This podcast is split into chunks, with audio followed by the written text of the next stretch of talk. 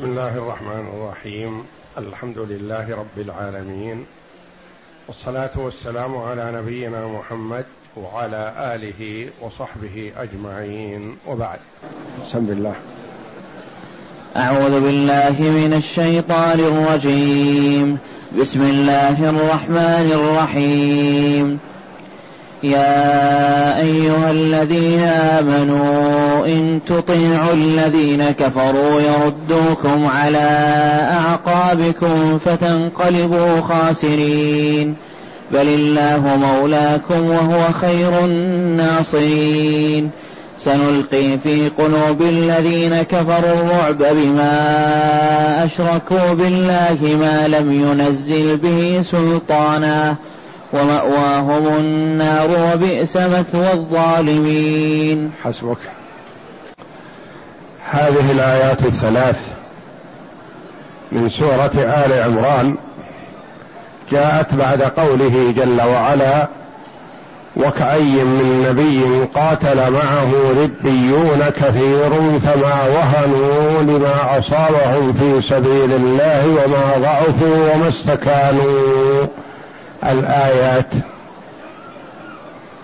بعد أن قوى الله جل وعلا عزيمة المؤمنين ورغبهم في الجهاد في سبيل الله وأخبرهم أنه أرسل رسلا قبل محمد صلى الله عليه وسلم وبعث أنبياء قاتل معهم أناس كثير وما ضعفوا وما استكانوا لهزيمة أو غلبة الأعداء بل كانوا أقوياء يسألون الله جل وعلا ويتضرعون إليه ويجاهدون في سبيله. ففي هذا تقوية للمؤمنين وحث لهم على الاستبسال في الجهاد في سبيل الله. ثم إنه جل وعلا حذر المؤمنين من أن يستجيبوا لنداء الكافرين. من المراد بالكافرين؟ قيل اليهود وقيل النصارى وقيل المنافقين. الذين يحاولون أن يفتوا في عرض المسلمين. لما حصلت عليهم الهزيمة في أحد بسبب مخالفتهم لأمر رسول الله صلى الله عليه وسلم نشط المنافقون والكفار وحاولوا أن يفتوا في عضد المسلمين فقالوا لهم ارجعوا إلى دين آبائكم فلا خير في هذا الدين الذي اعتنقتموه. ارجعوا إلى دين آبائكم. وقال تعالى يا أيها الذين آمنوا خطاب لمن اتصف بهذه الصفة وهي صفة الإيمان فهي أحب الصفات وأكملها في حق العبد. يا أيها الذين آمنوا يقول عبد الله بن مسعود رضي الله عنه إذا سمعت الله يقول يا أيها الذين آمنوا فارعها سمعك فإنها إما خير تؤمن به أو شر تنهى عنه. فهو خطاب من الرب الكريم جل وعلا لعباده المتصفين بهذه الصفة. يا أيها الذين آمنوا إن تطيعوا الذين كفروا يردوكم على أعقابكم يردوكم إلى الكفر والضلال إلى الورى إلى الخلف إلى الهلاك الذي أنقذكم الله جل وعلا منه بمحمد صلى الله عليه وسلم. فتنقلبوا ترجعوا. خاسرين. خاسرين ماذا؟ خاسرين الدنيا والآخرة. خاسرين الدنيا والآخرة. لأن من كفر بالله فقد خسر الدنيا لأنه لم يستعملها فيما أوجد فيها من أجله. هو أوجد في الدنيا من أجل أن يعبد الله. فما استعملها فيما أوجد من أجله فخسرها ولو تنعم فيها. وخسروا الآخرة لانهم لم يقدموا لها عملا صالحا. خسروا الدنيا والآخرة فتنقلبوا خاسرين. ما قال جل وعلا خاسرين في دنياكم ولا قال في أخراكم وإنما خاسرين الجميع. خسر الدنيا والآخرة فالفاسق والفاجر والكافر خسر الدنيا قبل خسرانه الآخرة. لأنه ما استعملها فيما وجد من أجله فيها. فخسرها ولو أكل وشرب وشبع ولبس وركب فإن هذا يضمحل وينساه. يؤتى بأكثر الناس نعيما في الدنيا فيغمس في النار غمسة فيقال له هل مر بك خير قط؟ فيقول لا والله يا ربي ما مر بي خير قط. ينسى كل النعيم الذي تنعم به في الدنيا ويؤتى بأشد الناس بؤسا في الدنيا فيصبغ في الجنة صبغة. فيقال له هل مر بك سوء قط؟ فيقول لا والله يا ربي ما مر بي سوء قط. ينسى بؤس الدنيا وفقر الدنيا ومرض الدنيا والحاجة التي احتاجها في الدنيا كله ينساه لما يؤتى بنعيم الآخرة بنعيم الجنة. فيقول جل وعلا محذرا لعباده المؤمنين من طاعة الكافرين. كما قال تعالى إن الشيطان لكم عدو فاتخذوه عدوا إنما يدعو حزبه ليكونوا من أصحاب السعير فيحذر عباده من طاعة الكفار. وهذا سبب نزولها والله أعلم كما قال المفسرون لما حصلت الهزيمة على المسلمين في موقعة أحد. والعبرة بعموم اللفظ لا بخصوص السبب يعني حتى وإن كان السبب بعد وقعة أحد فهذه توجيه للأمة من أولها إلى آخرها تحذيرا لها من الاستجابة لنداء الكفار ايا كان نوع الكافر. فاليهودي كافر والنصراني كافر والمنافق كافر. إن المنافقين في الدرك الأسفل من النار. والمراد النفاق الاعتقادي. لأن النفاق نوعان. نفاق اعتقادي ونفاق عملي. فالنفاق الاعتقادي مخرج من ملة الإسلام وصاحبه في الدرك الأسفل من النار وهو الذي يظهر الإسلام ويبطن الكفر. ونفاق عملي الكذب نفاق عملي. الغش خيانة الأمانة. أربع من كن من كانت فيه واحدة من كان من كان فيهم وأربع من كن فيه كان منافقا خالصا وإن كانت فيه خصلة منهن كانت فيه خصلة من النفاق. فهذا يسمى نفاق عملي وهو لا يخرج من ملة الإسلام صاحبه مسلم لكنه يخشى عليه أن يجر هذا النفاق العملي إلى النفاق الاعتقادي والعياذ بالله. فالمراد بقوله جل وعلا تطيع الذين كفروا والله أعلم. كل كافر يهودي نصراني منافق نهل أي نوع من أنواع الشرك لأن المشركين أنواعهم كثيرة. ومن وهي طريقة وكلها كفر بالله.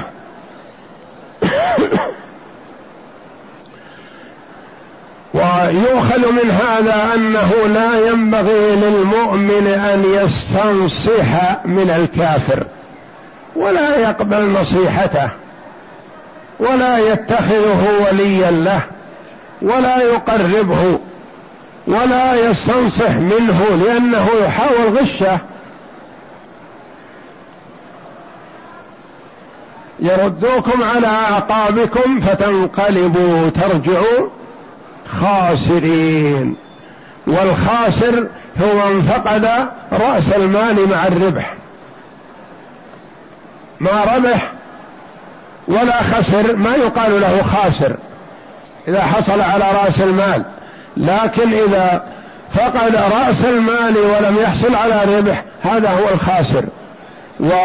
ومن ضيع دنياه في غير عمل آخرته فقد خسر الدنيا والآخرة. ثم إن الله جل وعلا عز عباده وجبر خواطرهم وبين لهم جل وعلا أنه وليهم. ولا يلزم أن يكون ولي الله دائما وأبدا هو الغالب لا. يكون في امتحان. لأن لو كان دائما وابدا هو الغالب لدخل في دين الله من لا يريده لكن يريد الغلبة يريد المال. كما حرص المنافقون على الخروج مع النبي صلى الله عليه وسلم في غزوة خيبر لأنهم عرفوا أنها غنيمة مال عظيم وعدهم الله جل وعلا إياه. في خيبر فحرص المنافقون أن يخرجوا لا رغبة في الجهاد وإنما رغبة في القسم والمال. فيعزيهم الله جل وعلا بأنه وليهم حتى وإن غلبوا. وإن سلط عليهم الأعداء فهو جل وعلا يمتحن عباده. فقال تعالى بل الله مولاكم وهو خير الناصرين. الله مولاكم. كما قال النبي صلى الله عليه وسلم لما نادى أبو سفيان لنا العزى ولا عزى لكم. ألا تجيبوه؟ قالوا ماذا نقول؟ يا رسول الله. قال قولوا الله مولانا ولا مولى لكم.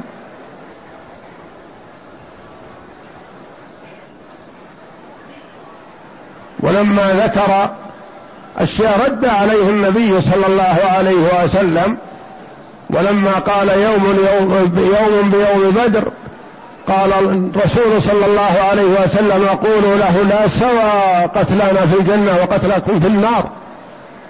قتل أحد من المسلمين شهداء عند ربه يرزقون. وقتل المشركين في بدر في النار في نار جهنم. فيقول الله جل وعلا بل الله مولاكم لا تستجيبوا لهؤلاء ولندائهم ولترغيبهم. اتركوه ولا تبالوا به لأن الله مولاكم وهو جل وعلا خير الناصرين.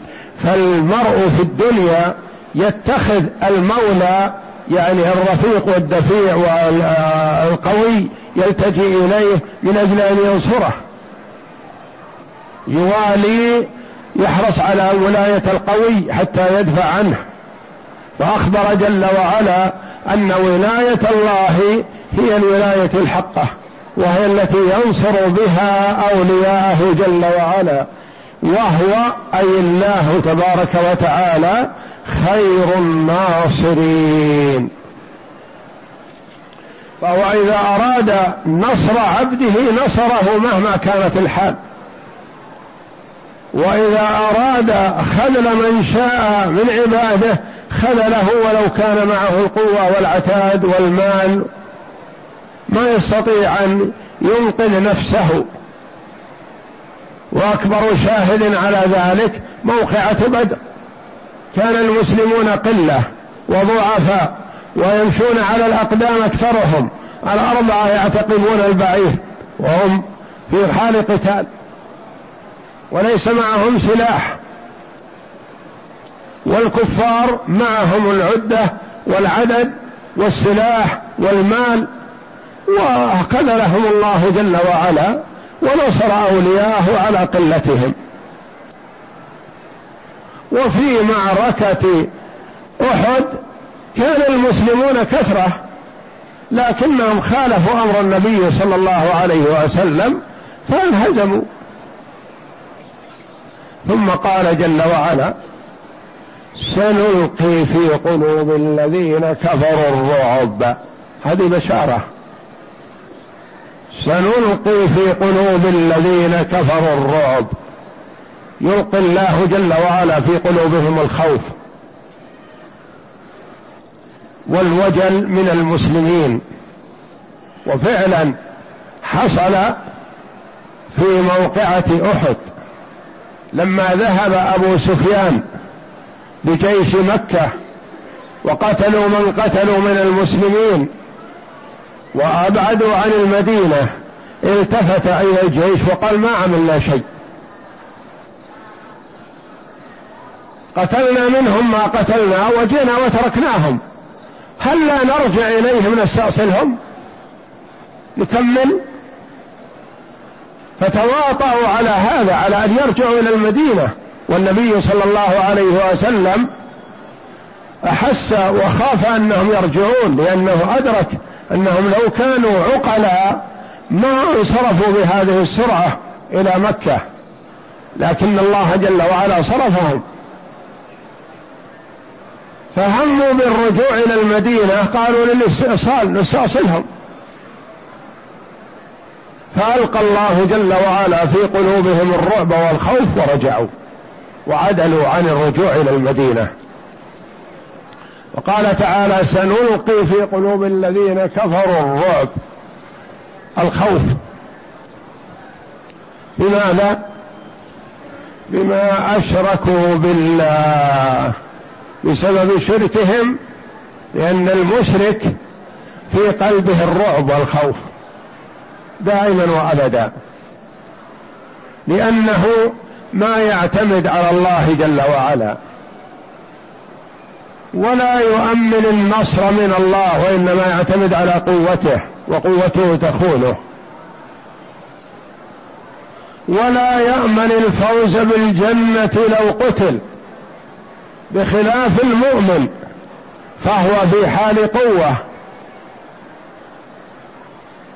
إذا قاتل مؤمن بأن الله معه وأن الله ناصره. وإن حصل له القتل والشهادة فهو مؤمن بأنه حي في الآخرة عند الله. كما قال أنس بن النضر إني والله لاجد ريح الجنة دون أحد دون الجبل الذي حولهم جبل أحد. يجد ريح الجنة. وفعلا سار إلى الجنة رضي الله عنه وأرضاه. قاتل. ولما أحجم بعض المسلمين رضي الله عنهم وتأخروا وألقي في نفوسهم أن محمدا قتل وروج الشيطان هذا الكلام وهذه الدعاية قعد بعض المسلمين. فمر بهم أنس بن النضر رضي الله عنه قال ما لكم؟ ما الذي يقعدكم قالوا قتل رسول الله. قال قتل رسول الله. قاتلوا فتقدموا لما قاتل من أجله. وموتوا على ما مات عليه رسول الله. ثم قال رضي الله عنه إني أعتذر إليك مما صنع هؤلاء يعني المسلمين. وأبرأ إليك مما صنع أولئك يعني الكفار وتقدم وقاتل رضي الله عنه قتال الأبطال واستشهد في النهاية رضي الله عنه. أما الكافر فهو في حالة رعب إذا سمع أي جلبة أو أي صوت خاف وظن أنه هو المقصود بهذا لأنه ما عنده ثقة بالله. سنلقي في قلوب الذين كفروا الرعب بما أشركوا بالله بسبب شركهم بالله. أشرفوا بالله ما لم ينزل به سلطانا السلطان الحجة أو البرهان أو النور لأن السلطان يطلق على الحجة. والسلطان الوالي في الأرض حجة الله على خلقه. والسلطان في الأرض هو القوة الذي يمنع الله جل وعلا به الظلم. ظلم العباد بعضهم لبعض. فسمى الله جل وعلا الحجة والبرهان الدليل سلطان لأن فيها قوة. من يتكلم بها فهو قوي ومن يتكلم بدون دليل ولا برهان كلامه مردود. ما لم ينزل به سلطانا. هذا حالهم في الدنيا. سنلقي في قلوب الذين كفروا الرعب بما أشركوا بالله ما لم ينزل به سلطانا. فحالهم في الدنيا الرعب والخوف. ومآلهم في الآخرة ومأواهم النار وبئس مثوى الظالمين. ومأواهم التي يؤون إليها في الدار الآخرة النار. وبئس المثوى. ما الفرق بين المأوى والمثوى؟ مأوى ومثوى. مأوى يؤولون إليها. ومثوى يقيمون فيها. يقول ثوى في المكان بمعنى أقام. فابتداء يأوي. ثم الثوى بعده الإقامة. لأن الإنسان قد يأوي في طريقه إلى استراحة أو مكان ما يستريح فيه ويجلس فيه ثم ينتقل منه. فيقال له أوى إلى كذا أوى إلى الاستراحة هذا. لكن ما يقال ثوى فيها إلا إذا أقام وركد. فأخبر جل وعلا أنهم يؤولون إليها ويمكثون فيها دائما وأبدا ما ينتقلون منها. وبئس مثوى الظالمين. الظالمين الظلم أنواع. أشد الظلم وأشد أنواعه وافظعه الشرك بالله. كما قال الله جل وعلا عن لقمان عليه السلام أنه قال يا بني لا تشرك بالله إن الشرك لظلم عظيم. أظلم الظلم أن تجعل لله ندا وهو خلقك. أن تعبد غير من أوجدك وأحياك ورزقك وأعطاك. وعافاك. ثم ظلم العباد فيما بين أنفسهم. ثم ظلم العباد بعضهم لأنفسهم. كما قال النبي صلى الله عليه وسلم لما سأله أبو بكر الصديق رضي الله عنه أن يعلمه دعاء يدعو به قال قل اللهم إني ظلمت نفسي ظلما كثيرا. ولا يغفر الذنوب إلا أنت فاغفر لي مغفرة من عندك وارحمني إنك أنت الغفور الرحيم. ظلمت نفسي ظلما كثيرا فالمرء قد يظلم نفسه يوقعها في المعصية فيكون ظلمها. يترك الطاعة فيكون ظلمها. يعمل بطاعة دون ما يستطيعه من طاعة أعظم ويترك الطاعة الكبرى ويعمل بالطاعة الدنيا يكون ظلم نفسه.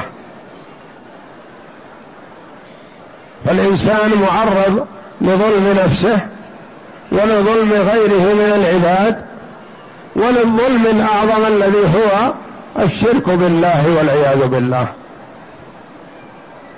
وبئس مثوى الظالمين هي أي النار. بئس مثوى الظالمين. ومأواهم النار وبئس مثوى الظالمين النار. فالمخصوص بالمدح النار المفهومة من سياق الكلام التي ذكرت قبل هذا. اقرأ. يحذر تعالى عباده المؤمنين عن طاعة الكافرين والمنافقين فإن طاعتهم تورث الردى في الدنيا والآخرة. ولهذا قال تعالى وإن تطيعوا الذين كفروا يردوكم على أعقابكم فتنقلبوا خاسرين. ثم أمرهم بطاعته وموالاته والاستعانة به والتوكل عليه. فقال تعالى بل الله مولاكم وهو خير الناصرين. ثم بشرهم بأنه سيلقي في قلوب أعدائهم الخوف منهم والذلة لهم بسبب كفرهم وشركهم مع ما مع ما ادخره لهم في الدار الآخرة من العذاب والنكال. فقال تعالى سنلقي في قلوب الذين ونصر الله جل وعلا لعباده المؤمنين يحصل بأحد أمرين. كما قال تعالى ليقطع طرفا من الذين كفروا أو يكبتهم فينقلبوا خائبين. إما بقتل الكفار وهزيمتهم وإما بخذلانهم.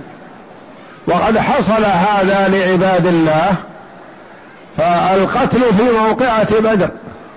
يقطع طرفا من الذين كفروا أهلك الله منهم سبعين من صناديدهم ومن كبرائهم. أو يكبتهم في موقعة أحد. لما هموا بالرجوع إلى المدينة والقضاء على المسلمين خذلهم الله جل وعلا وألقى في قلوبهم الرعب فرجعوا فعدلوا عما هموا به. وكلا الأمرين نصر من الله جل وعلا لعباده المؤمنين ليقطع طرفا من الذين كفروا أو يكبتهم فينقلبوا خائفين. نعم. وقول الله تعالى سنلقي في قلوب الذين كفروا الرعب بما أشركوا بالله ما لم ينزل به سلطانا. والشرك بالله هو أعظم الذنوب. وهو الذي لا يغفره الله جل وعلا. إن الله لا يغفر أن يشرك به ويغفر ما دون ذلك لمن يشاء. فالشرك إذا مات عليه العبد فإنه خالد مخلد في النار. أما إذا تاب منه في الدنيا فالله يتوب على من تاب. مهما عظم الذنب الشرك فما دونه. إذا تاب منه العبد في الدنيا فإن الله يتوب عليه. وإذا مات على الشرك فإن الله لا يغفر له. وإذا مات على ذنب غير دون الشرك فهو داخل تحت المشيئة. إن شاء جل وعلا غفر له وإن شاء عذبه ثم أخرجه من النار إلى الجنة. نعم. وقول الله تعالى سنلقي في قلوب الذين كفروا الرعب بما أشركوا بالله ما لم ينزل به سلطانا ومأواهم النار وبئس مثوى الظالمين. وقد ثبت في الصحيحين عن جابر بن عبد الله رضي الله عنه أن رسول الله صلى الله عليه وسلم قال أعطيت خمسا لم يعطهن أحد من الأنبياء قبلي. نصرت بالرعب مسيرة شهر. وجعلت لي الأرض مسجدا وطهورا. وأحلت لي الغنائم. وأعطيت الشفاعة. وكان النبي يبعث إلى قومه خاصة. وبعثت إلى الناس عامة.